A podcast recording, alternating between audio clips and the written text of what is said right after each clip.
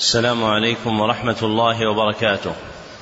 الحمد لله الذي جعل الدين مراتب ودرجات وجعل للعلم به أصولا ومهمات وأشهد أن لا إله إلا الله حقا وأشهد أن محمدا عبده ورسوله صدقا. اللهم صل على محمد وعلى آل محمد كما صليت على إبراهيم وعلى آل إبراهيم إنك حميد مجيد اللهم بارك على محمد وعلى آل محمد كما باركت على إبراهيم وعلى آل إبراهيم. إنك حميد مجيد. أما بعد فحدثني جماعة من الشيوخ وهو أول حديث سمعته منهم بإسناد كل إلى سفيان بن عيينة عن عمرو بن دينار عن أبي قابوس مولى عبد الله بن عمرو عن عبد الله بن عمرو بن العاص رضي الله عنهما قال قال رسول الله صلى الله عليه وسلم الراحمون يرحمهم الرحمن ارحموا من في الأرض يرحمكم من في السماء. ومن آكد الرحمة رحمة المعلمين بالمتعلمين في تلقينهم أحكام الدين وترقيتهم في منازل اليقين. ومن طرائق رحمتهم إيقافهم على مهمات العلم بإقراء أصول المتون وتبيين مقاصدها الكلية ومعانيها الإجمالية ليستفتح بذلك المبتدئون تلقيهم ويجد فيه المتوسطون ما يذكرهم ويطلع منه المنتهون إلى تحقيق مسائل العلم. وهذا شرح الكتاب الرابع من برنامج مهمات العلم في سنته الخامسة. خمس وثلاثين بعد الأربعمائة والألف وهو كتاب اعتقاد أهل السنة والجماعة المشهور باسم العقيدة الواسطية لشيخ الإسلام أبي العباس أحمد بن عبد الحليم ابن تيمية النميري رحمه الله المتوفى سنة ثمان وعشرين وسبعمائة. نعم. الحمد لله رب العالمين وصلى الله وسلم على نبينا محمد وعلى آله وصحبه أجمعين. اللهم اغفر لشيخنا ولوالديه ولمشايخه وللمسلمين أجمعين. بأسانيدكم وفقكم الله تعالى إلى شيخ الإسلام ابن تيمية رحمه الله تعالى أنه قال في كتابه العقيدة الواسطية بسم الله الرحمن الرحيم. الحمد لله الذي أرسل رسوله بالهدى ودين الحق ليظهره على الدين كله وكفى بالله شهيدا. وأشهد أن لا إله إلا الله وحده لا شريك له إقرارا به وتوحيدا وأشهد أن محمدا عبده ورسوله صلى الله عليه وعلى آله وسلم تسليما مزيدا. اعتقاد الفرقة الناجية المنصورة إلى قيام الساعة أهل السنة والجماعة الإيمان بالله وملائكته وكتبه ورسله والبعث بعد الموت والإيمان بالقدر خيره وشره. علمت فيما علمت آنفا أن الحكمة من خلق الجن والإنس هي عبادة الله ومتعلق عبادة الله حكمه الشرعي وحكم الله الشرعي نوعان. أحدهما الحكم الشرعي الخبري والآخر الحكم الشرعي الطلبي ومتعلق الأول هو علم الاعتقادات الباطنة ومتعلق الأول هو علم الاعتقادات الباطنة فما يتعلق بأحكامها مستكن في الحكم الشرعي الخبري. فما يتعلق بأحكامها مستكن في الحكم الخبري في الحكم الشرعي الخبري وجماعه أصول الإيمان الستة التي سردها المصنف وهي الإيمان بالله وملائكته وكتبه ورسله واليوم الآخر وبالقدر خيره وشره. وأشار المصنف إلى الخامس منها وهو الإيمان باليوم الآخر بقوله والبعث بعد الموت. وأشار المصنف إلى الخامس منها وهو الإيمان باليوم الآخر بقوله والبعث بعد الموت لأن البعث أعظم مسائله لأن البعث أعظم مسائله. ومبتدأ أمره ومبتدأ أمره. فذكر بعض ما يتعلق باليوم الآخر دالا عليه جميعا. فذكر بعض ما يتعلق باليوم الآخر دالا عليه جميعا. إعرابا عن جلالة هذا المذكور وهو البعث بعد الموت. والاعتقاد الصحيح هو الموافق للحق وهو ما جاء به الشرع. والاعتقاد الصحيح هو الموافق هو ما جاء هو الموافق للحق وهو ما جاء به الشرع. والآخذون به هم الآخذون بالسنة التي كان عليها النبي صلى الله عليه وسلم. ومن صفاتهم أنهم يجتمعون على السنة لأن السنة تجمع وسائر الأهواء تفرق. فسموا أهل السنة والجماعة نسبة إلى أخذهم بالسنة واجتماعهم عليها. والمذكور في هذا الكتاب هو طرف وافر حسن. من اعتقاد أهل السنة والجماعة مما قامت عليه الدلائل من القرآن والسنة. نعم. أحسن الله إليكم. قال رحمه الله تعالى ومن الإيمان بالله الإيمان بما وصف به نفسه في كتابه وبما وصفه به رسوله محمد صلى الله عليه وسلم. من غير تحريف ولا تعطيل ومن غير تكييف ولا تمثيل. بل يؤمنون بأن الله سبحانه وتعالى ليس كمثله شيء وهو السميع البصير. من الإيمان بالله الإيمان بصفاته وأسمائه. من الإيمان بالله الإيمان بصفاته وأسمائه. فهذه الجملة شروع في بيان جمل من الاعتقاد المتعلقة بالإيمان بالله. فهذه الجملة شروع في بيان جمل من الاعتقاد المتعلقة بالإيمان بالله. وهو الإيمان بصفاته وأسمائه وهو مبني على أصلين ذكرهما المصنف أحدهما النفي أحدهما النفي وحقيقته نفي ما نفاه الله عن نفسه أو نفاه عنه رسوله صلى الله عليه وسلم. وحقيقته نفي ما نفاه الله عن نفسه أو نفاه عنه رسوله صلى الله عليه وسلم. ودليله القرآني القول الرباني ليس كمثله شيء. ولهذا الأصل شرطان. ولهذا الأصل شرطان. فالشرط الأول السلامة من التحريف. السلامة من التحريف. وهو تغيير مبنى خطاب الشرع أو معناه وهو تغيير مبنى خطاب الشرع أو معناه.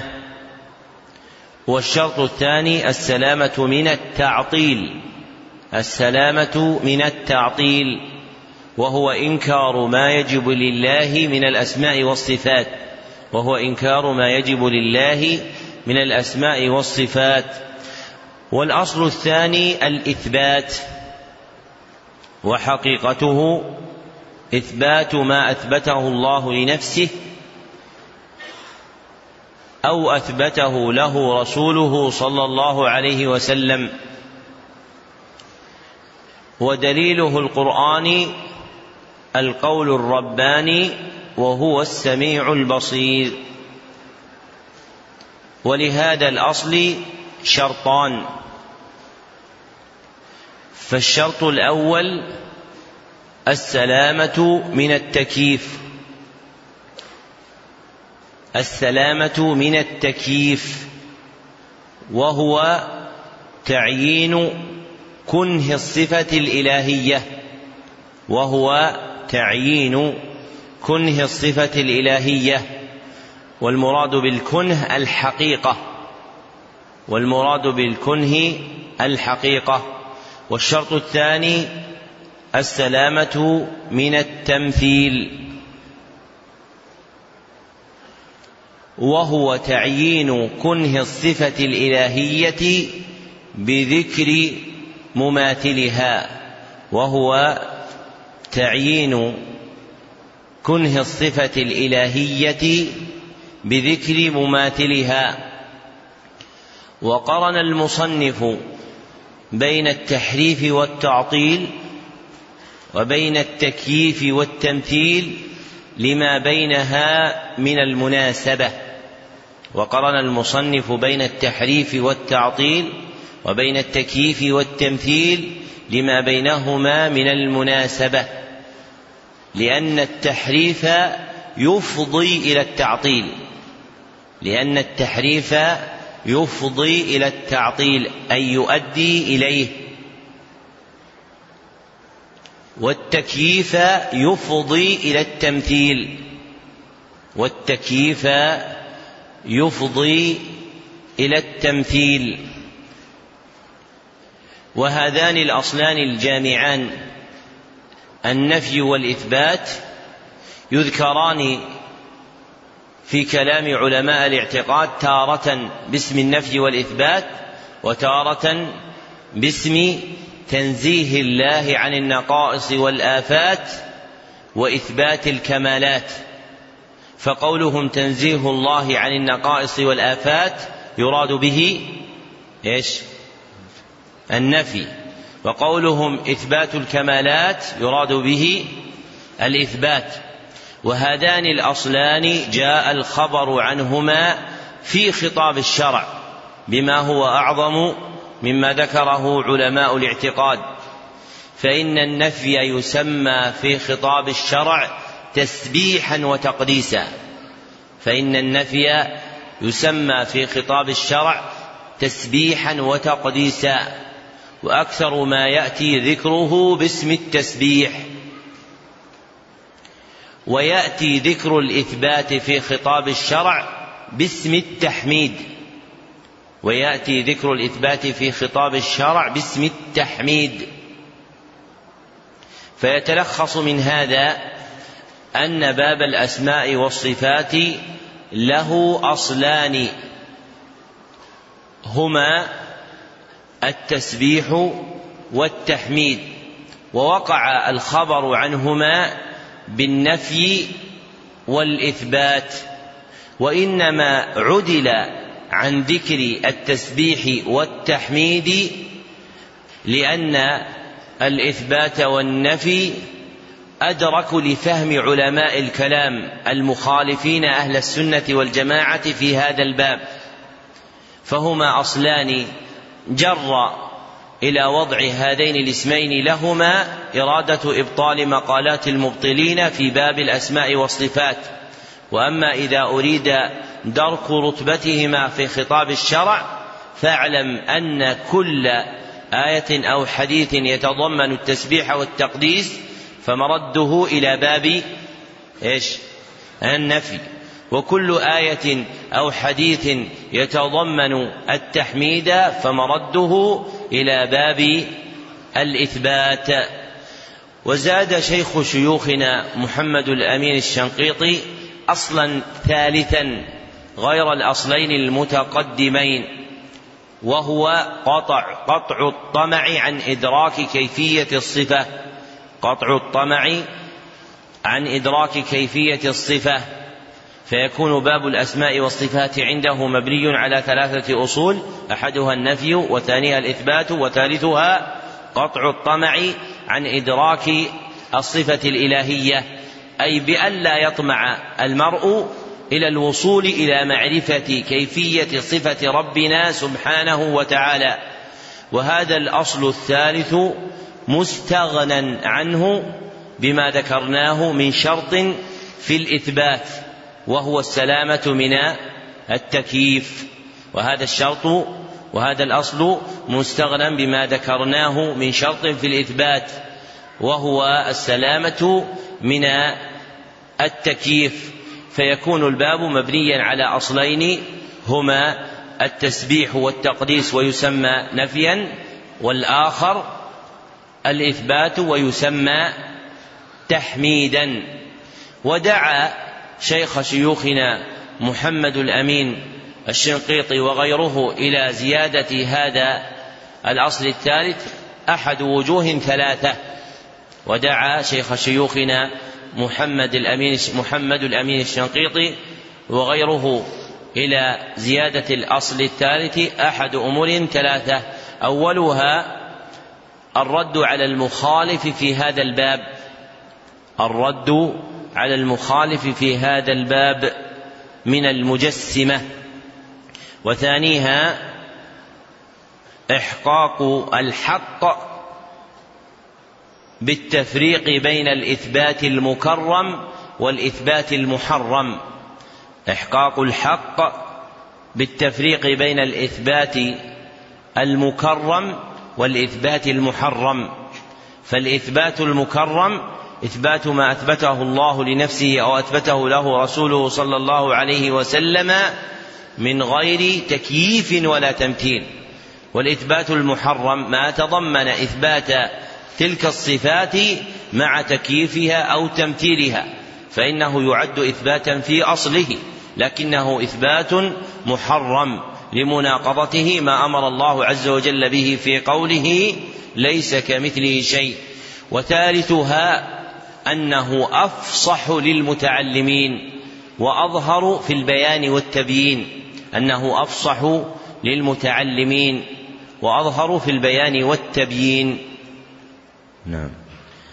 أحسن الله إليكم. قال رحمه الله تعالى فلا ينفون عنه ما وصف به نفسه ولا يحرفون الكلم عن مواضعه ولا يلحدون في أسماء الله تعالى وآياته ولا يكيفون ولا يمثلون صفاته بصفات خلقه لأنه سبحانه وتعالى لا سمي له ولا كفو له ولا ند له ولا يقاس بخلقه سبحانه وتعالى فإنه سبحانه أعلم بنفسه وبغيره وأصدق قيلا وأحسن حديثا من خلقه.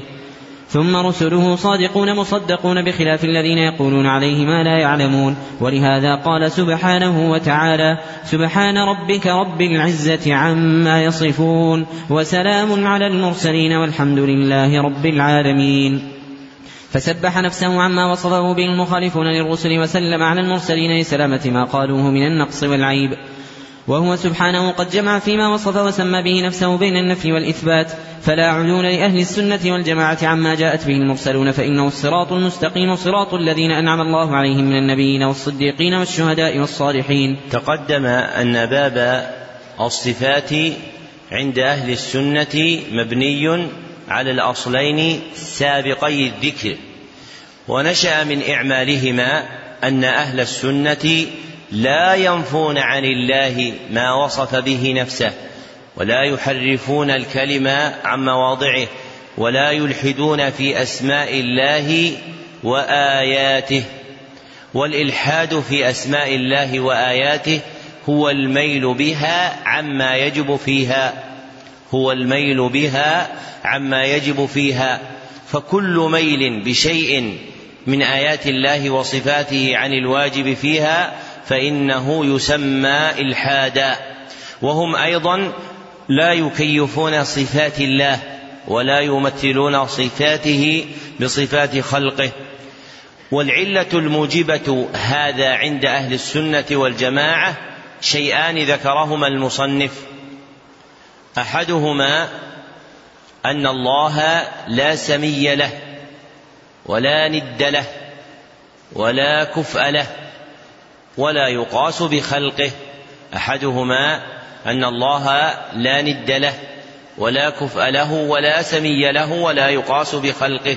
والآخر أن رسله صادقون مصدقون.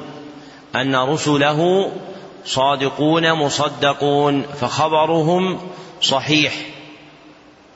فلما كان الأمر كذلك اقتضى ذلك ما سبق ذكره من عدم نفي ما نفاه الله من عدم نفي ما وصف الله به نفسه وترك تحريف الكلم عن مواضعه وعدم الإلحاد في آياته وصفاته وإبطال تكييفها وتمثيلها لأجل الأمرين المذكورين.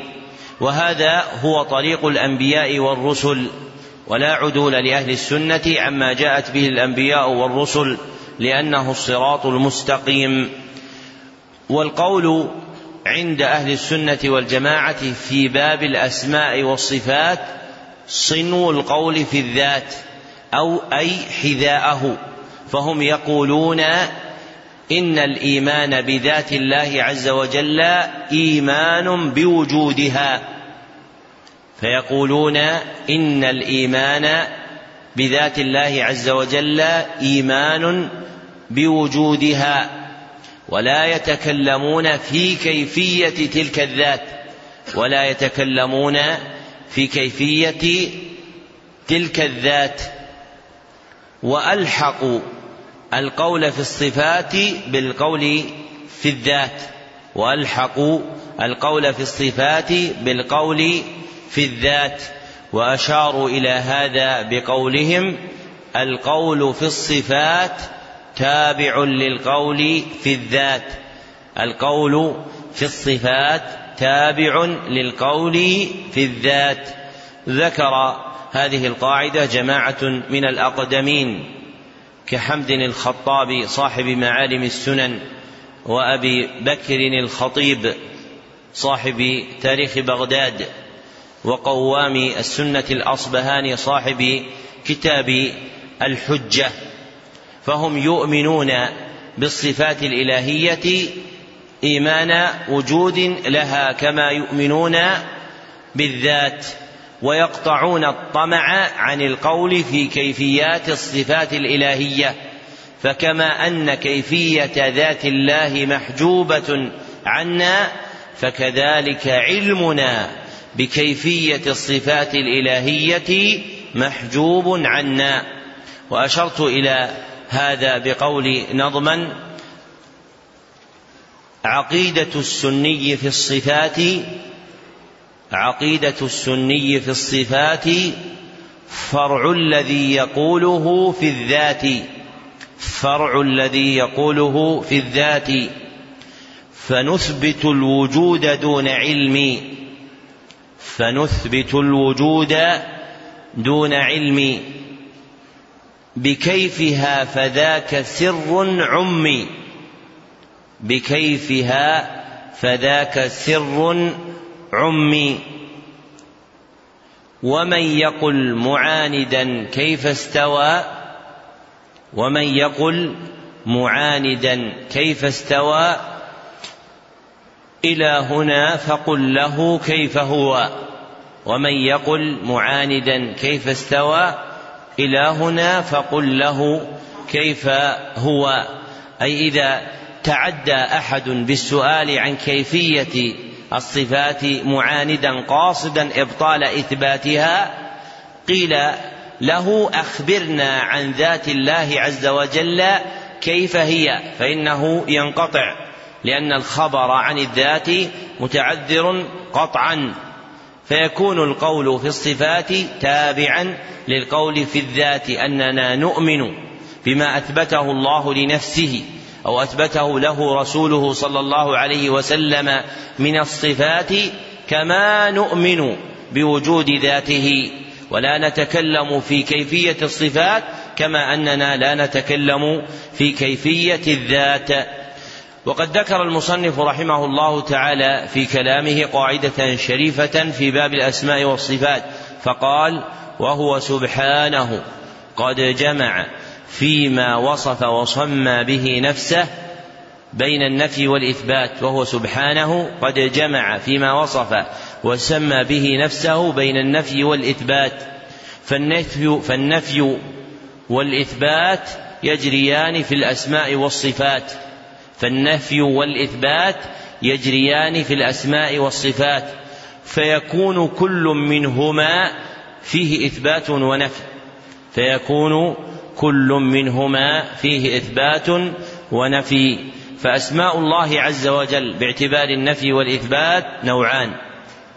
فأسماء الله عز وجل باعتبار النفي والإثبات نوعان. أحدهما الأسماء النافية. أحدهما الأسماء النافية مثل السلام والقدوس والآخر الأسماء المثبتة والآخر الأسماء المثبتة مثل الله والرحمن والرحيم. والنفي الواقع في الأسماء ليس في بنائها.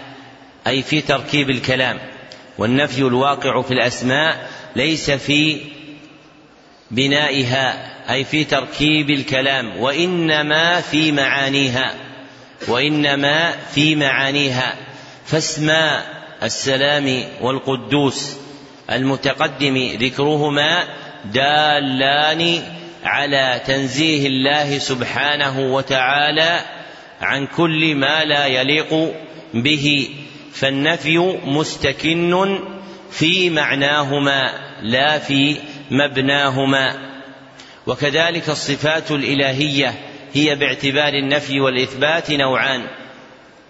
أحدهما الصفات المنفية الصفات المنفية كالنوم والظلم فإن الله نفاهما عن نفسه.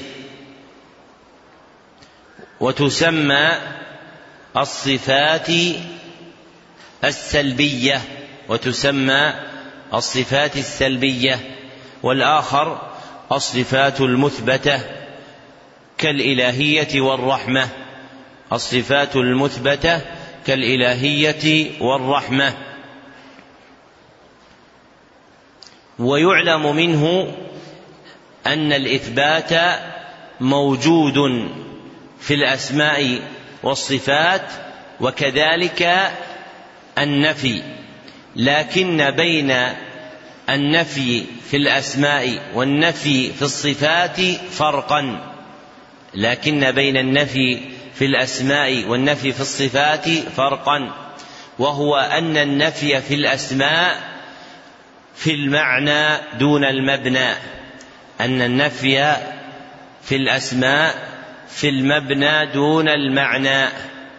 أما النفي في الصفات ففي المبنى والمعنى. وأما النفي في الصفات ففي المبنى والمعنى. فمثلا قول الله سبحانه وتعالى القدوس السلام دال على النفي في الأسماء. لكن هذا النفي ليس في بناء الكلام. فإن الكلام هنا غير منفي في مبناه. لكن النفي في المعنى أي فيما يفيده هذان الاسمان من تنزيه الله وإجلاله وتعظيمه عن كل ما لا يليق به. أما الصفات فإن النفي يأتي فيها مبنى ومعنى. قال الله عز وجل لا تأخذه سنة ولا نوم. فالنفي هنا ظاهر في المبنى لقوله لا تأخذه سنة أي نعاس. وهو ظاهر في المعنى. من أن المراد بالآية المذكورة نفي السنة والنوم عن ربنا سبحانه وتعالى. وهذا البيان الذي ذكرته لك هو تفسير لقول المصنف وقد جمع الله فيما وصف وسمى به نفسه بين النفي والإثبات فإن عبارته ظاهرة في تسليط النفي والإثبات على الأسماء والصفات وإذا تعذر هذا أمكن القول بأن مراده رحمه الله تعالى أن النفي والإثبات يقع في مجموعهما لا في جميعها. فيكون النفي متعلقا بالصفات فقط ويكون الإثبات متعلقا بالأسماء والصفات معا. والأول هو ظاهر كلامه وهو أحد قولي شيخنا ابن عثيمين رحمه الله تعالى وهو المثبت في شرحه للواسطية الذي بأيدي الناس. وأما شرحه الأخير الذي مات عنه رحمه الله تعالى فإنه لم يقل بهذا القول. والمشهور عند أهل العلم أن الإثبات في الأسماء وأن النفي والإثبات في الصفات. لكن ما ذكره المصنف جار وفق قواعدهم وأدلتها في الشرع على ما سبق بيانه لك.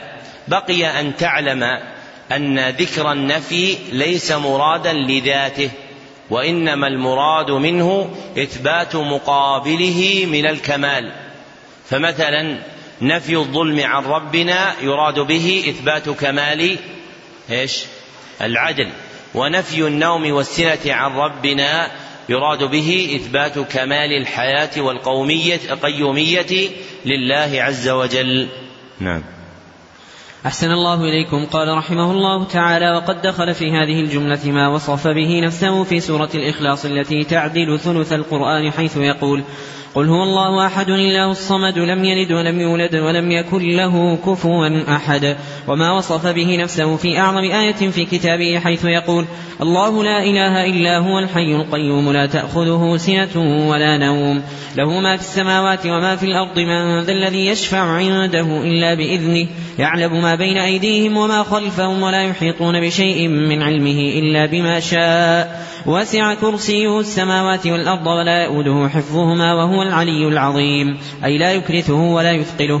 ولهذا كان من قرأ هذه الآية في ليلة لم يزل عليه من الله حافظ ولا يقربه شيطان حتى يصبح. وقوله سبحانه وتوكل على الحي الذي لا يموت وقوله سبحانه هو الأول والآخر والظاهر والباطن وهو بكل شيء عليم وقوله سبحانه وهو العليم الحكيم وقوله العليم الخبير وقوله يعلم ما يلج في الأرض وما يخرج منها وما ينزل من السماء وما يعرج فيها وقوله وعنده مفاتح الغيب لا يعلمها إلا هو ويعلم ما في البر والبحر وما تسقط من ورقة إلا يعلمها ولا حبة في ظلمات الأرض ولا رطب ولا يابس إلا في كتاب مبين. وقوله وما تحمل من أنثى ولا تضع إلا بعلمه وقوله لتعلموا أن الله على كل شيء قدير وأن الله قد أحاط بكل شيء علما وقوله إن الله هو الرزاق ذو القوة المتين وقوله ليس كمثله شيء وهو السميع البصير وقوله إن الله نعم ما يعظكم به إن الله كان سميعا بصيرا وقوله ولولا إذ دخلت جنتك قلت ما شاء الله لا قوة إلا بالله وقوله ولو شاء الله ما اقتتل الذين من بعدهم من بعد ما جاءتهم البينات ولكن اختلفوا فمنهم من آمن ومنهم من كفر ولو شاء الله ما اقتتلوا ولكن الله يفعل ما يريد وقوله فمن يرد الله أن يهديه يشرح صدره للإسلام ومن يرد أن يضله يجعل صدره ضيقا حرجا كأنما يصعد في السماء. وقوله أحلت لكم بهيمة الأنعام إلا ما يتلى عليكم غير محل الصيد وأنتم حرم إن الله يحكم ما يريد. وقوله وأحسنوا إن الله يحب المحسنين. وقوله وأقسطوا إن الله يحب المقسطين. وقوله فما استقاموا لكم فاستقيموا لهم إن الله يحب المتقين وقوله إن الله يحب التوابين ويحب المتطهرين وقوله سبحانه فسوف يأتي الله بقوم يحبهم ويحبونه وقوله إن الله يحب الذين يقاتلون في سبيله صفا كأنهم بنيان مرصوص وقال تعالى قل إن كنتم تحبون الله فاتبعوني يحببكم الله ويغفر لكم ذنوبكم الله غفور رحيم وقوله تعالى رضي الله عنهم ورضوا عنه وقوله بسم الله الرحمن الرحيم وقوله ربنا وسعت كل شيء رحمة وعلما وقوله وكان بالمؤمنين رحيما وقال كتب ربكم على نفسه الرحمة وقوله وهو الغفور الرحيم وقوله فالله خير حافظا وهو أرحم الراحمين وقوله ومن يقتل مؤمنا متعمدا فجزاؤه جهنم خالدا فيها وغضب الله عليه ولعنه وقوله ذلك بأنهم اتبعوا ما أسخط الله وكرهوا رضوانه فأحبط أعمالهم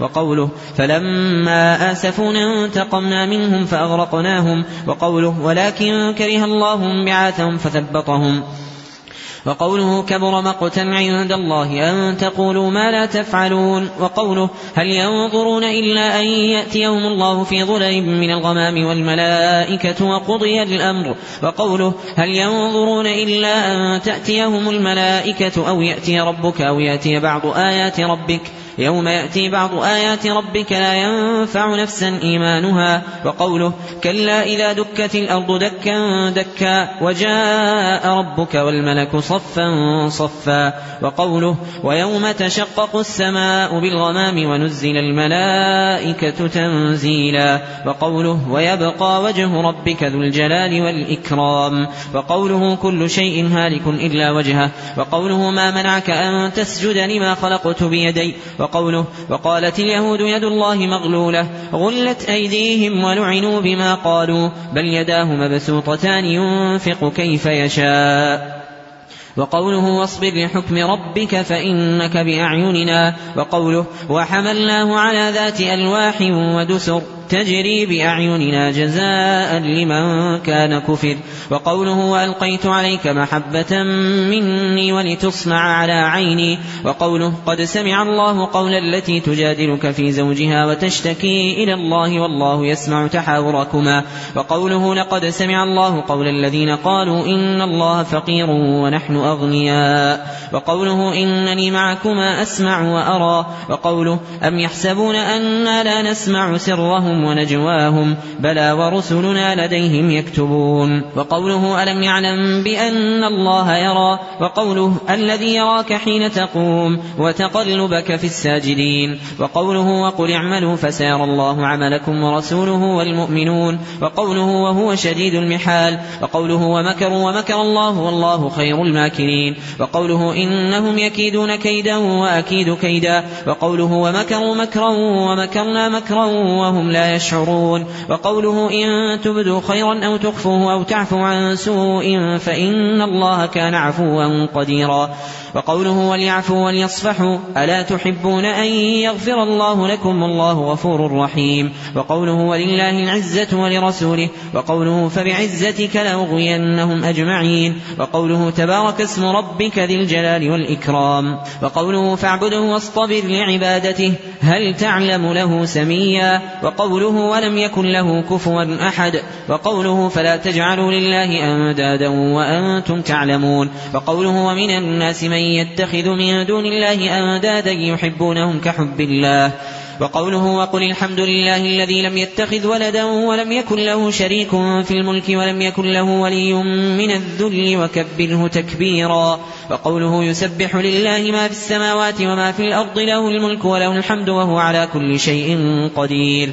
وقوله تبارك الذي نزل الفرقان على عبده ليكون للعالمين نذيرا. الذي له ملك السماوات والأرض ولم يتخذ ولدا ولم يكن له شريك في الملك وخلق كل شيء فقدره تقديرا. وقوله ما اتخذ الله من ولد وما كان معه من إله. إذا لذهب كل إله بما خلق ولعلى بعضهم على بعض. سبحان الله عما يصفون. عالم الغيب والشهادة فتعالى عما يشركون. وقوله فلا تضربوا لله الأمثال. إن الله يعلم وأنتم لا تعلمون. وقوله قل إنما حرم ربي الفواحش ما ظهر منها وما بطن والإثم والبغي بغير الحق وأن تشركوا بالله وأن تشركوا بالله ما لم ينزل به سلطانا وأن تقولوا على الله ما لا تعلمون. وقوله الرحمن على العرش استوى. وقوله ثم استوى على العرش في ستة مواضع. وقوله يا عيسى إني متوفيك ورافعك إلي. وقوله بل رفعه الله إليه. وقوله إليه يصعد الكلم الطيب والعمل الصالح يرفعه. وقوله يا هامان ابن لي صرحا لعلي أبلغ الأسباب أسباب السماوات فأطلع إلى إله موسى وإني لأظنه كاذبا. وقوله أأمنتم من في السماء أن يخسف بكم الأرض فإذا هي تمور؟ أم أمنتم من في السماء أن يرسل عليكم حاصبا فستعلمون كيف نذير وقوله هو الذي خلق السماوات والأرض في ستة أيام ثم استوى على العرش يعلم ما يلج في الأرض وما يخرج منها وما ينزل من السماء وما يعرج فيها وهو معكم أينما كنتم والله بما تعملون بصير وقوله ما يكون من نجوى ثلاثة إلا هو رابعهم ولا خمسة إلا هو سادسهم ولا أدنى من ذلك ولا أكثر إلا هو معهم أينما كانوا. ثم ينبئهم بما عملوا يوم القيامة. إن الله بكل شيء عليم. وقوله لا تحزن إن الله معنا. وقوله إنني معكما أسمع وأرى. وقوله إن الله مع الذين اتقوا والذين هم محسنون. وقوله واصبروا إن الله مع الصابرين. وقوله كم من فئة قليلة غلبت فئة كثيرة بإذن الله. والله مع الصابرين. وقوله ومن أصدق من الله حديثا. وقوله ومن أصدق من الله قيلا. وقوله وإذ قال الله يا عيسى ابن مريم. وقوله وتمت كلمة ربك صدقا وعدلا. وقوله وكلم الله موسى تكليما. وقوله منهم من كلم الله ورفع بعضهم درجات. وقوله ولما جاء موسى لميقاتنا وكلمه ربه وقوله وناديناه من جانب الطور الأيمن وقربناه نجيا وقوله وإذ نادى ربك موسى أن ائت القوم الظالمين وقوله وناداهما ربهما ألم أنهكما عن تلكما الشجرة وأقل لكما إن الشيطان لكما عدو مبين وقوله تعالى ويوم يناديهم فيقول أين شركائي الذين كنتم تزعمون وقوله تعالى ويوم يناديهم فيقول ماذا أجبتم المرسلين وقوله وإن أحد من المشركين استجارك فأجنه حتى يسمع كلام الله. وقوله وقد كان فريق منهم يسمعون كلام الله ثم يحرفونه من بعد ما عقلوه. وقوله تعالى يريدون أن يبدلوا كلام الله قل لن تتبعونا. وقوله واتل ما أوحي إليك من كتاب ربك لا مبدل لكلماته. وقوله إن هذا القرآن يقص على بني إسرائيل أكثر الذي هم فيه يختلفون. وقوله وهذا كتاب أنزلناه مبارك. وقوله لو أنزلنا هذا القرآن على جبل لرأيته خاشعا متصدعا من خشية الله. وقوله وإذا بدلنا آية مكان آية والله أعلم بما ينزل قالوا إنما أنت مفتر بل أكثرهم لا يعلمون قل نزله روح القدس من ربك بالحق ليثبت الذين آمنوا وهدى وبشرى للمسلمين ولقد نعلم أنهم يقولون إنما يعلمه بشر لسان الذي يلحدون إليه أعجمي وهذا لسان عربي مبين وقوله وجوه يومئذ ناظرة إلى ربها ناظرة. وقوله على الأرائك ينظرون وقوله للذين أحسنوا الحسنى وزيادة وقوله لهم ما يشاءون فيها ولدينا مزيد. وهذا الباب في كتاب الله كثير. من تدبر القرآن طالب الهدى منه تبين له طريق الحق. لما قرر المصنف رحمه الله قاعدة أهل السنة والجماعة في باب الأسماء والصفات ذكر طرفا حسنا من الآيات والأحاديث التي تدخل في تلك الجملة وموجب اقتصاره على الآيات والأحاديث هو أن باب الأسماء والصفات موقوف على ورود الوحي فلا سبيل إلى إثبات شيء من الأسماء والصفات أو نفي شيء إلا بدليل من القرآن والسنة. وهذا معنى قول أهل العلم باب الأسماء والصفات توقيفي أي موقوف على ورود الدليل فمتى ورد الدليل من الكتاب أو السنة متضمنا شيئا من ذلك قال به أهل السنة والجماعة. ومما يندرج في السنة آثار الصحابة رضي الله عنهم في باب الأسماء والصفات. فإنها لا تقال من قبل الرأي فيكون لها حكم الرفع فما أتى عن صحابي مما فيه شيء من الأسماء والصفات ألحق بالسنة وأثبت ما فيه إن كان مثبتا ونفي ما فيه إن كان منفيا. وما خرج عن الكتاب والسنة فإنه لا يثبت به شيء من أسماء ربنا سبحانه وتعالى ولا صفاته. واستغنى المصنف رحمه الله تعالى بسياق الآيات والأحاديث لظهور دلالتها في بيان ما فيها من أسماء الله عز وجل وصفاته. وعدة الأدلة القرآنية التي ذكرها مئة وأحد عشر دليلا. وعدة الأدلة القرآنية التي ذكرها مئة وأحد عشر دليلا وعدة الأدلة الأحاديثية ستة عشر. وعدة الأدلة الحديثية ستة عشر. وانتظم في الآيات القرآنية التي ذكرها رحمه الله تعالى أسماء كثيرة لله عز وجل. فالاسم الأول الله. قال الله تعالى قل هو الله أحد وقال الله لا إله إلا هو في آيات أخر. والاسم الثاني الأحد.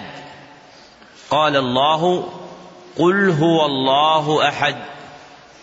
وأتى معرفا بأل في السنة. وأتى معرفا بأل في السنة. والاسم الثالث الصمد. قال الله تعالى الله الصمد وهو السيد الكامل المقصود في الحوائج وهو السيد الكامل المقصود في الحوائج والاسم الرابع والخامس الحي والقيوم. قال الله تعالى هو الحي القيوم. وقال وتوكل على الحي. والقيوم هو القائم على نفسه القائم على غيره.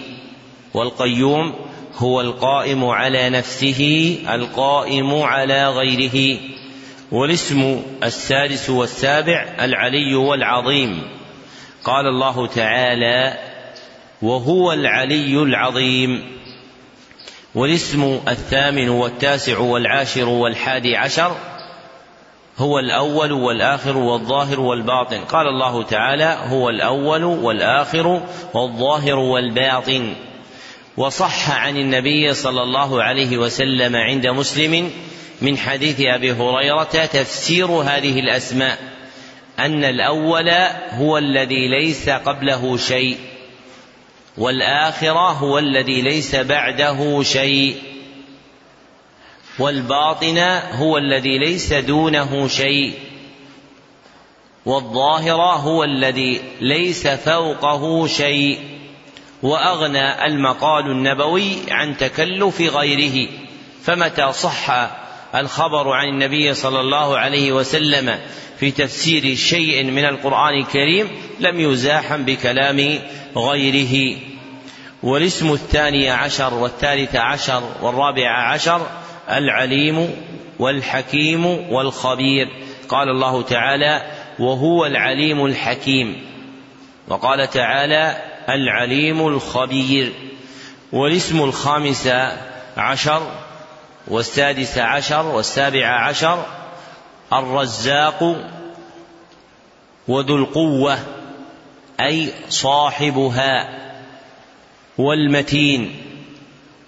وهو شديد القوة والمتين وهو شديد القوة. قال الله تعالى إن الله هو الرزاق ذو القوة المتين. والاسم الثامن عشر والتاسع عشر السميع والبصير. قال الله تعالى وهو السميع البصير. وقال إن الله كان سميعا بصيرا. والاسم العشرون والحادي والعشرون والثاني والعشرون الغفور والرحيم والرحمن.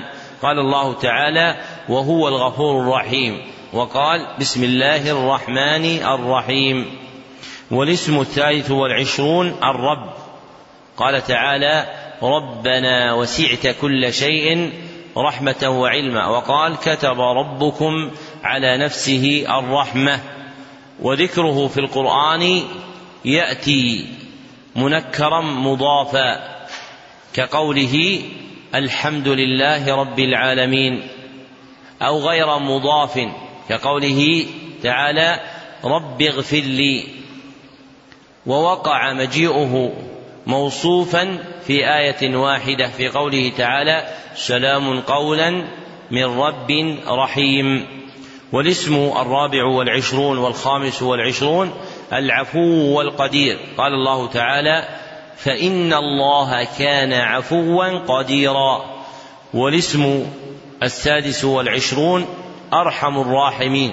قال الله تعالى وهو أرحم الراحمين.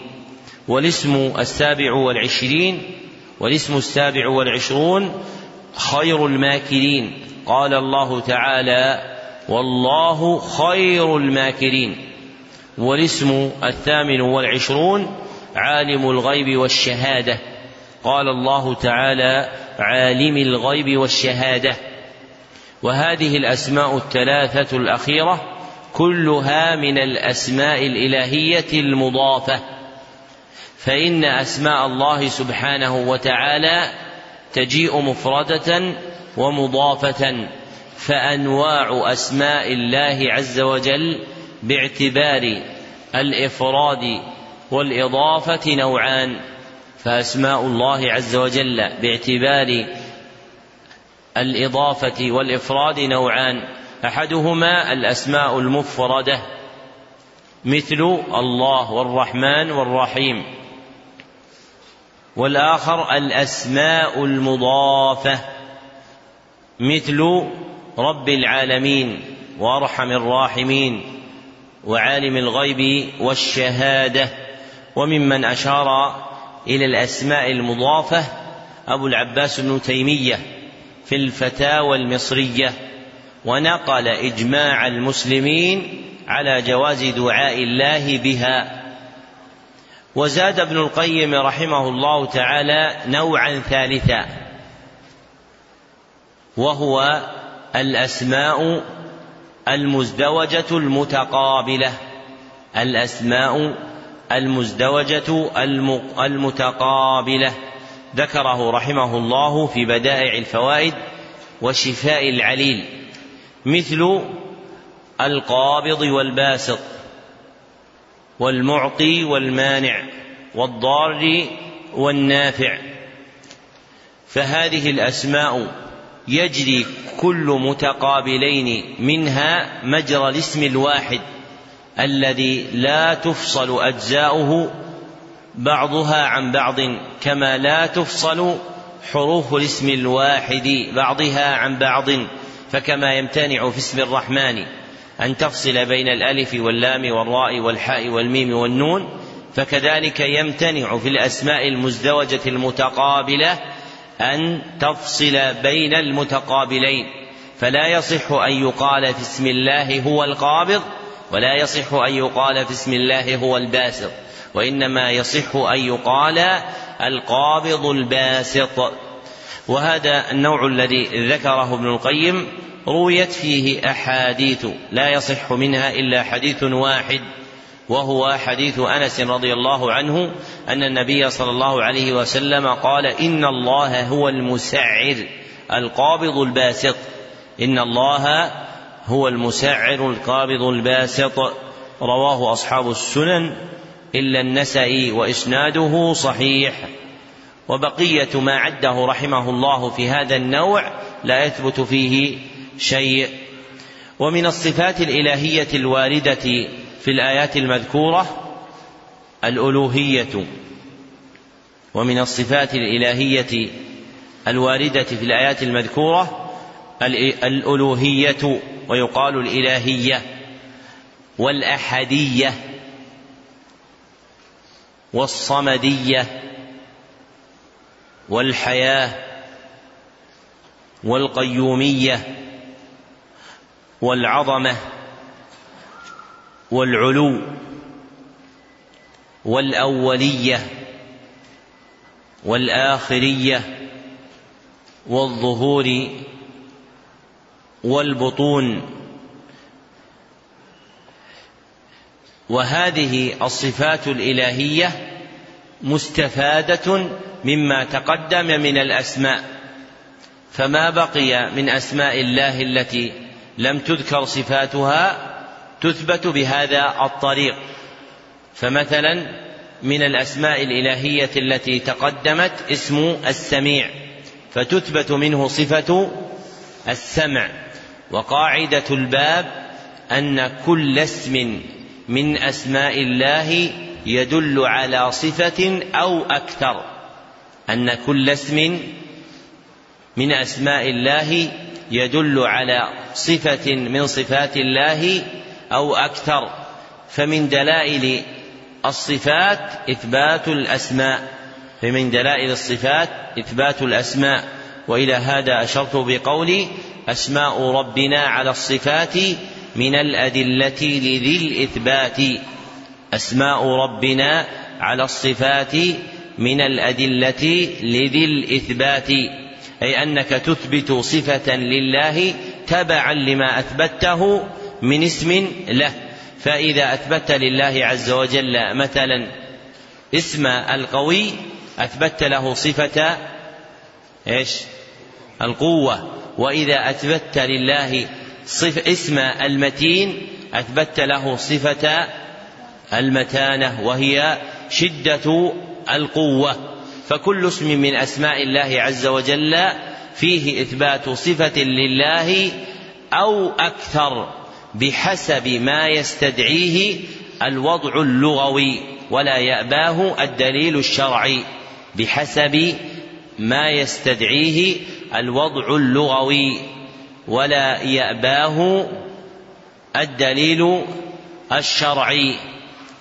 فمثلا اسم الحكيم دال على إثبات صفة الحكمة والحكم. فمثلا اسم الحكيم دال على إثبات صفة الحكمة والحكم وعلى هذا فقس فقاعدة الباب أن كل اسم من أسماء الله فيه صفة أو أكثر بحسب ما يستدعيه الوضع اللغوي ولا يأباه الدليل الشرعي فمتى أثبت أسماء الله عز وجل؟ أثبت توابعها من صفات الله سبحانه وتعالى. فالأسماء الإلهية التي تقدم عدها كل اسم منها متضمن صفة أو أكثر من صفات الله عز وجل.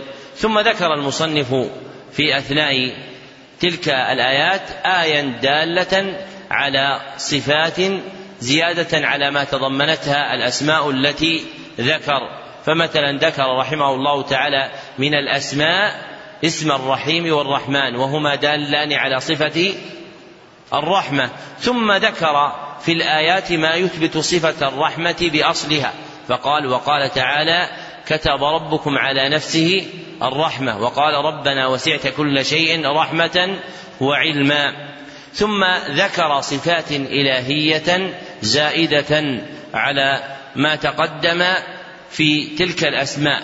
فمن تلك الصفات الزائدة على الصفات المذكورة في تلك الأسماء صفة الملك. قال الله تعالى له الملك وله الحمد.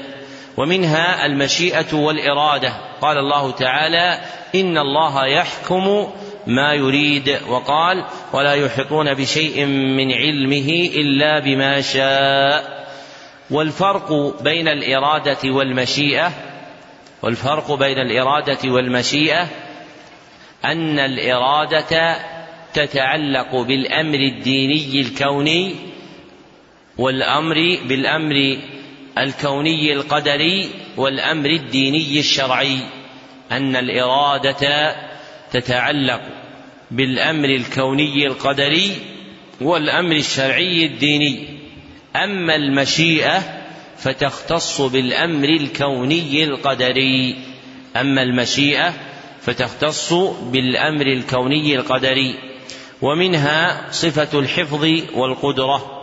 قال الله تعالى ولا يؤوده حفظهما وقال فالله خير حافظا وقال لتعلموا أن الله على كل شيء قدير ومعنى قوله ولا يؤوده حفظهما أي لا يكرثه ولا يثقله.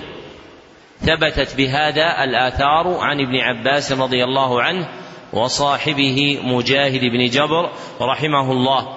فلا يعجز الله عن حفظ السماوات والأرض ولا يكلفه ذلك شيئا لكمال قدرته.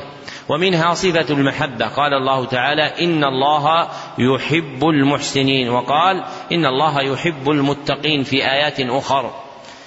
ومنها صفة الكتابة. قال الله تعالى كتب ربكم على نفسه الرحمة. ومنها صفة الرضا. قال الله تعالى رضي الله عنهم ورضوا عنه. ومنها صفة الغضب واللعن. قال الله تعالى وغضب الله عليه ولعنه. ومنها صفة السخط والرضوان. قال الله تعالى ذلك بأنهم اتبعوا ما أسخط الله وكرهوا رضوانه. والسخط والسخط بفتح السين وضمها لغتان صحيحتان. تذكر بهما الصفة فيقال صفة السخط وصفة السخط وهو شدة الغضب.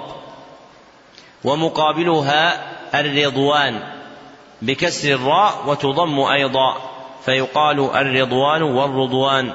ومنها صفة الأسف والانتقام. قال الله تعالى فلما آسفونا انتقمنا منهم. والأسف هو شدة الغضب.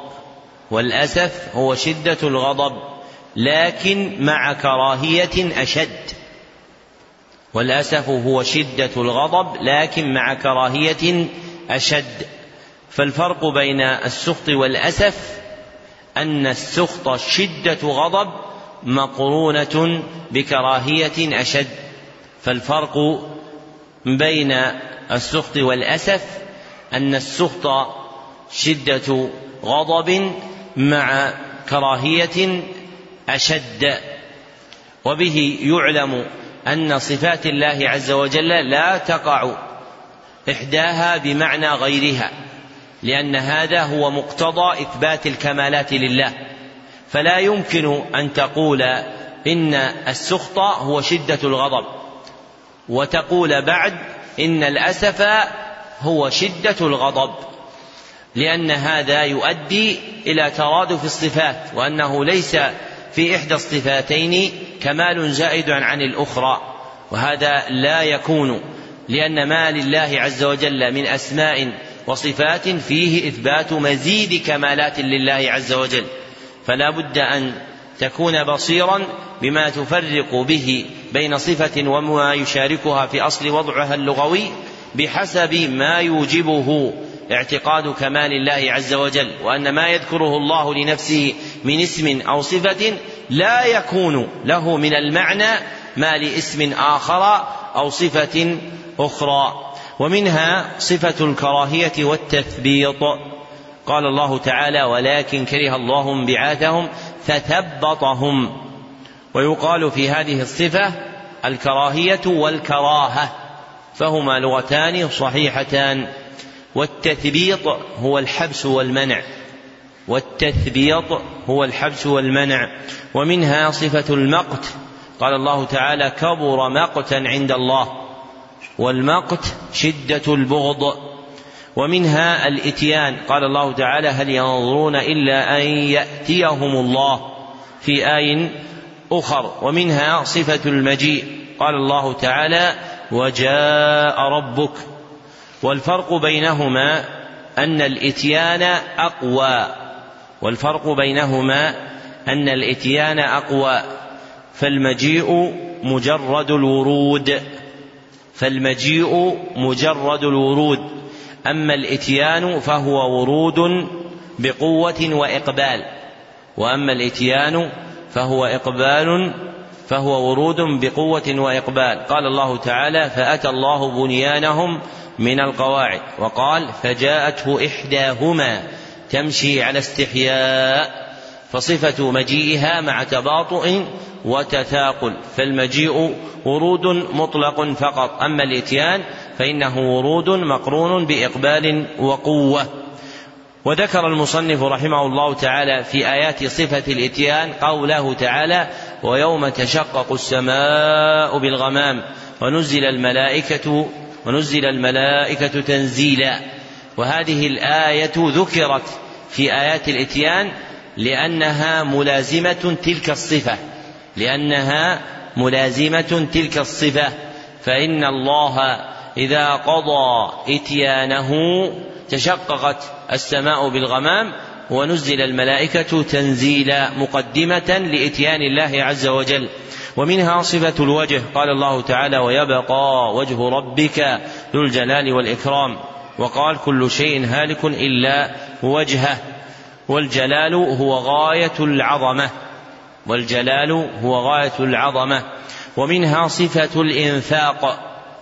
قال الله تعالى ينفق كيف يشاء ومنها صفة اليدين.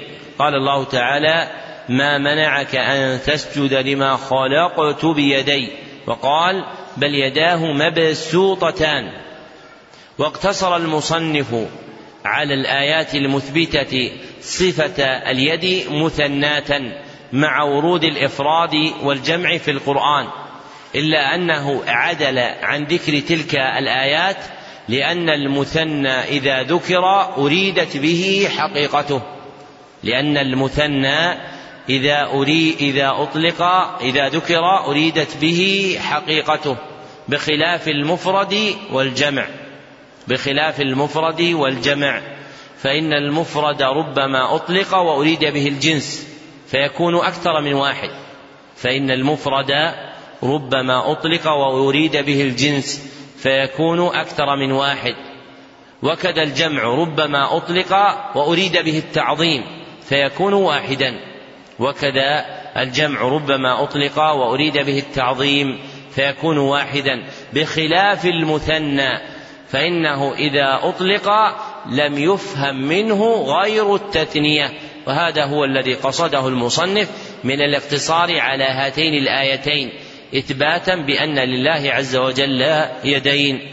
ومنها صفة العينين قال الله تعالى واصبر لحكم ربك فإنك بأعيننا وقال تعالى تجري بأعيننا وقال تعالى ولتصنع على عيني فهذه الآيات الثلاث في إثبات صفة العينين لله وذكرت الصفة الإلهية تارة بالجمع في الآيتين الأوليين وتارة بالإفراد في الآية الأخيرة. ولم يقع ذكر هذه الصفة مثناة تصريحا لا في القرآن ولا في السنة الصحيحة.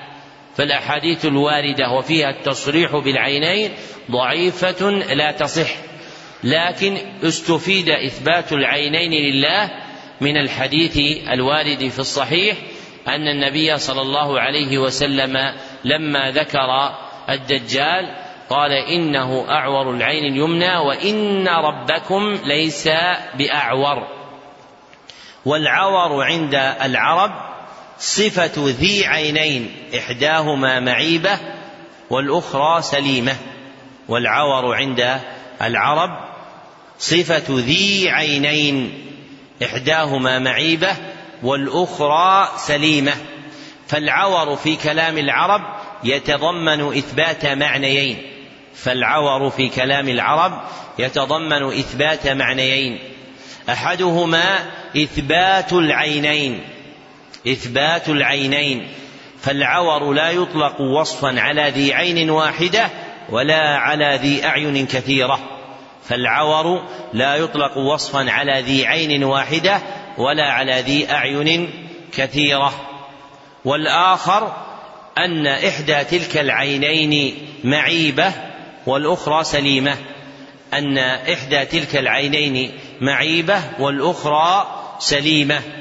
فلما نفى النبي صلى الله عليه وسلم العور عن الله عز وجل فقال وإن ربكم ليس بأعور انتفى عنه عيب إحدى عينيه سبحانه وتعالى واستفيد إثبات العينين لله لأن العور لا يكون إلا ذا عينين إلا مع ذي عينين.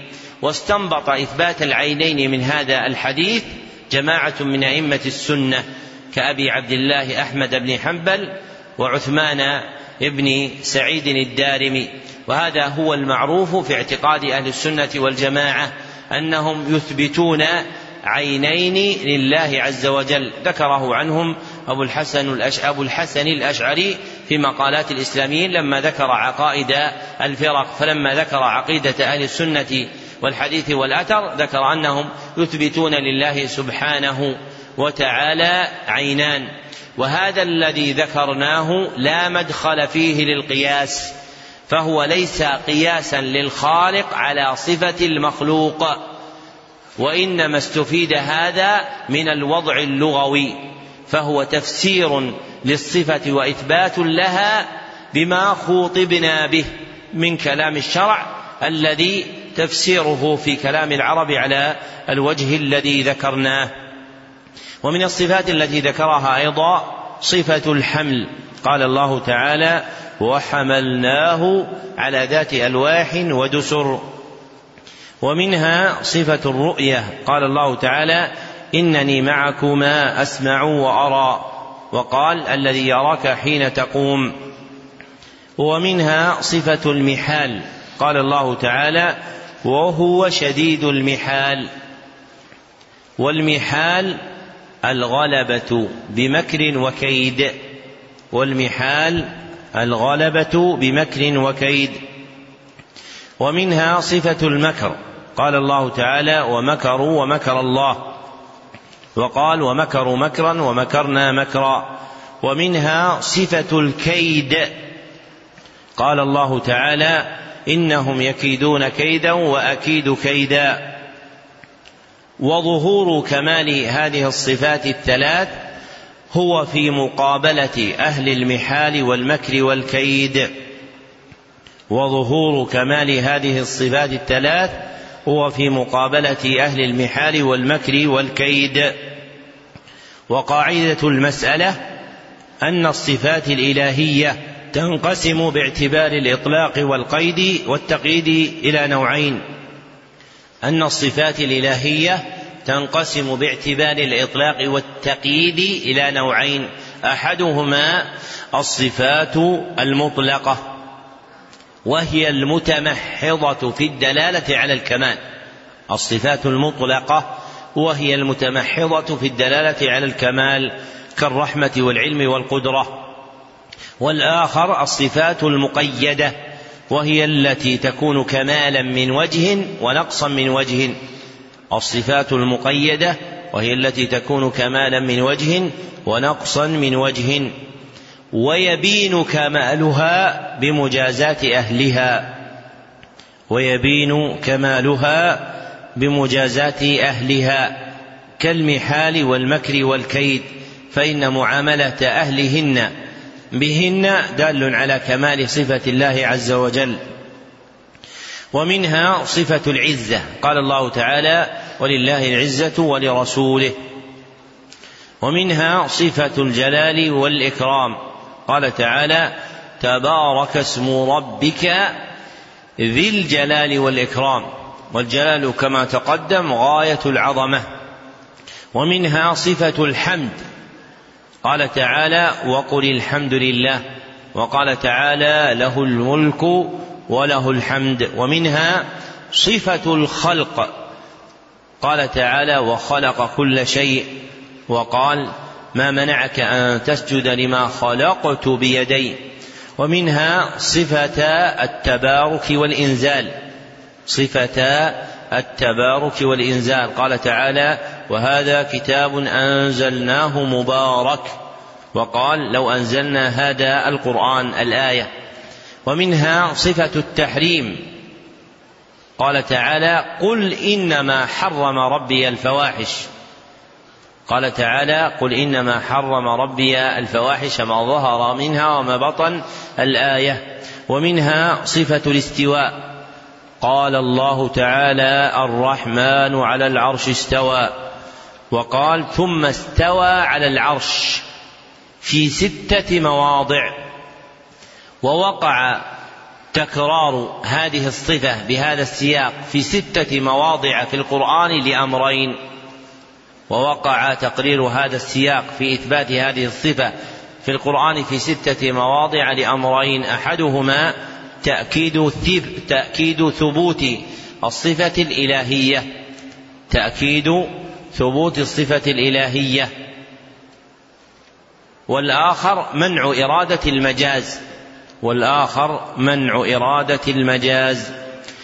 ومنها صفة الرفع قال الله تعالى يا عيسى إني متوفيك ورافعك إلي. وقال بل رفعه الله إليه وقال والعمل الصالح يرفعه. ومنها صفة العلو قال الله تعالى يا هامان ابن لي صرحا لعلي أبلغ الأسباب أسباب السماوات فأطلع إلى إله موسى الآية وقال أأمنتم من في السماء؟ وقال أم أمنتم من في السماء؟ ومنها صفة المعية قال الله تعالى وهو معكم أينما كنتم وقال إن الله معنا وقال إن الله مع الصابرين في آيات أخر. ومنها صفة الإنباء. ومنها صفة الإنباء. قال الله تعالى ثم ينبئهم بما عملوا يوم القيامة. ومنها صفة الصدق. قال الله تعالى ومن أصدق من الله حديثا. وقال ومن أصدق من الله قيلا. ومنها صفة الحديث. قال الله تعالى ومن أصدق من الله حديثا. ومنها صفة القول والقيل. قال الله عز وجل وإذ قال الله يا عيسى ابن مريم وقال ومن أصدق من الله قيلا. ومنها صفة الكلام. قال الله تعالى وتمت كلمة ربك صدقا وعلما. وقال وكلمه صدقا وعدلا. وقال وكلمه ربه وقال لا مبدل لكلماته في آيات أخر. ومنها صفة النداء. قال الله تعالى وناداهما ربهما وقال ويوم يناديهم ومنها صفتا التقريب والمناجاة. صفتا التقريب والمناجاة. قال الله تعالى وقربناه نجيا وقربناه نجيا. ومنها صفة التجلي. قال الله تعالى وجوه يومئذ ناظرة إلى ربها ناظرة. وقال تعالى على الأرائك ينظرون. وقال للذين أحسنوا الحسنى وزيادة. وقال ولدينا مزيد. فهؤلاء الآيات يراد بهن إثبات صفة التجلي لله عز وجل. فإنه إذا تجلى رآه الخلق. وجعل هؤلاء الآيات مذكورة هنا لإثبات رؤية المؤمنين ربهم غلط من جهتين. وجعل هؤلاء الآيات الأربع مذكورة هنا لإثبات رؤية المؤمنين ربهم غلط من جهتين. الجهة الأولى أن السياق في إثبات صفات الخالق. لا صفات المخلوق أن السياق في إثبات صفات الخالق لا صفات المخلوق. ورؤية المؤمنين ربهم يوم القيامة صفة للمخلوقين. والجهة الثانية أن المصنف سيذكر رؤية المؤمنين ربهم في موضع مستقبل. أن المصنف سيذكر رؤية المؤمنين ربهم في موضع مستقبل. فالمراد هنا إثبات صفة التجلي ووقع التصريح بها في قوله تعالى فلما تجلى ربه للجبل ومن الصفات المنفية عن ربنا النوم والسنة وهي النعاس. قال الله تعالى لا يأخذ لا تأخذه سنة ولا نوم ومنها صفة الموت. قال الله في نفيها وتوكل على الحي الذي لا يموت. ومنها صفة الولد. قال الله تعالى في نفيها لم يلد. وقال وقل الحمد لله الذي لم يتخذ ولدا. ومنها صفة الولادة. قال الله في نفيها ولم يولد. ومنها صفة الكفء وهو المماثل. قال الله تعالى ولم يكن له كفوا أحد ومنها صفة السمي. قال الله تعالى في نفيه هل تعلم له سميا؟ وهو استفهام استنكاري يراد به النفي. قال الله تعالى هل تعلم له سميا؟ وهو استفهام استنكاري يراد به النفي. ومنها صفة الند. قال الله تعالى في نفيه فلا تجعلوا لله أندادا. ومنها صفة الشريك والولي. قال الله تعالى ولم يكن له شريك في الملك ولم يكن له ولي من الذل. وتقدم أن الولي المنفي عن الله هو إيش؟ الولي المعين الناصر. الولي المعين الناصر. أما الولي المعان المنصور فقد أثبته الله سبحانه وتعالى. ومنها صفة المثل. قال الله عز وجل في نفيها ليس كمثله شيء. وقال فلا تضربوا لله الأمثال. وذكر المصنف رحمه الله تعالى آيات متعددة في تقرير الصفات المنفية ختمها بقوله تعالى قل إنما حرم ربي الفواحش ما ظهر منها وما بطن والإثم والبغي بغير الحق وأن تشركوا بالله ما لم ينزل به سلطانا وأن تقولوا على الله ما لا تعلمون. وختم الصفات المنفية بهذه الآية لأمرين. وختم الصفات المنفية بهذه وختم الصفات المنفية بهذه الآية لأمرين. أحدهما الرد على المشبهة الذين قالوا بغير علم فوقعوا في الشرك. الرد على المشبهة الذين قالوا بغير علم فوقعوا في الشرك وشبهوا الله بخلقه. والآخر الرد على المعطلة الذين نفوا عن الله صفات كماله. الرد على المعطلة الذين نفوا عن الله صفات كماله. ولما فرغ المصنف رحمه الله تعالى من سياق هذه الآيات أخبر بأن من تدبر القرآن طالبا الهدى منه تبين له طريق الحق. فإذا تلمس المرء طريق الهدى من القرآن ظهر له ذلك وبان. ومن قرأ هذه الآيات تبادر إلى فهمه ما فيها من النفي والإثبات مما يتعلق بالأسماء والصفات. نعم.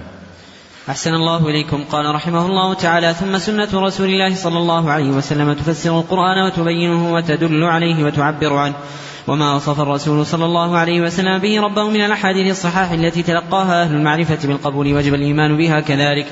مثل قوله صلى الله عليه وسلم ينزل ربنا إلى سماء الدنيا كل ليلة حين يبقى ثلث الليل الآخر فيقول من يدعوني فأستجيب له من يسألني فأعطيه من يستغفرني فأغفر له. متفق عليه. وقوله صلى الله عليه وسلم لله أشد فرحا بتوبة عبده من أحدكم براحلته.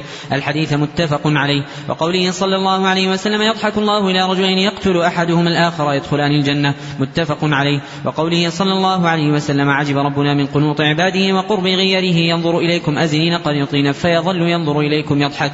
يعلم أن فرجكم قريب. حديث حسن. وقوله صلى الله عليه وسلم لا تزال جهنم يلقى فيها وتقول هل من مزيد حتى يضع رب العزة فيها قدمه وفي رواية عليها قدمه فإن زوي بعضها إلى بعض وتقول قط قط متفق عليه. وقوله صلى الله عليه وسلم يقول الله عز وجل لآدم عليه السلام يا آدم فيقول لبيك وسعديك فينادي بصوت إن الله يأمرك أن تخرج من ذريتك بعثا إلى النار. متفق عليه. وقوله صلى الله عليه وسلم ما من أحد إلا سيكلمه ربه ليس بينه وبينه حاجب ولا ترجمان.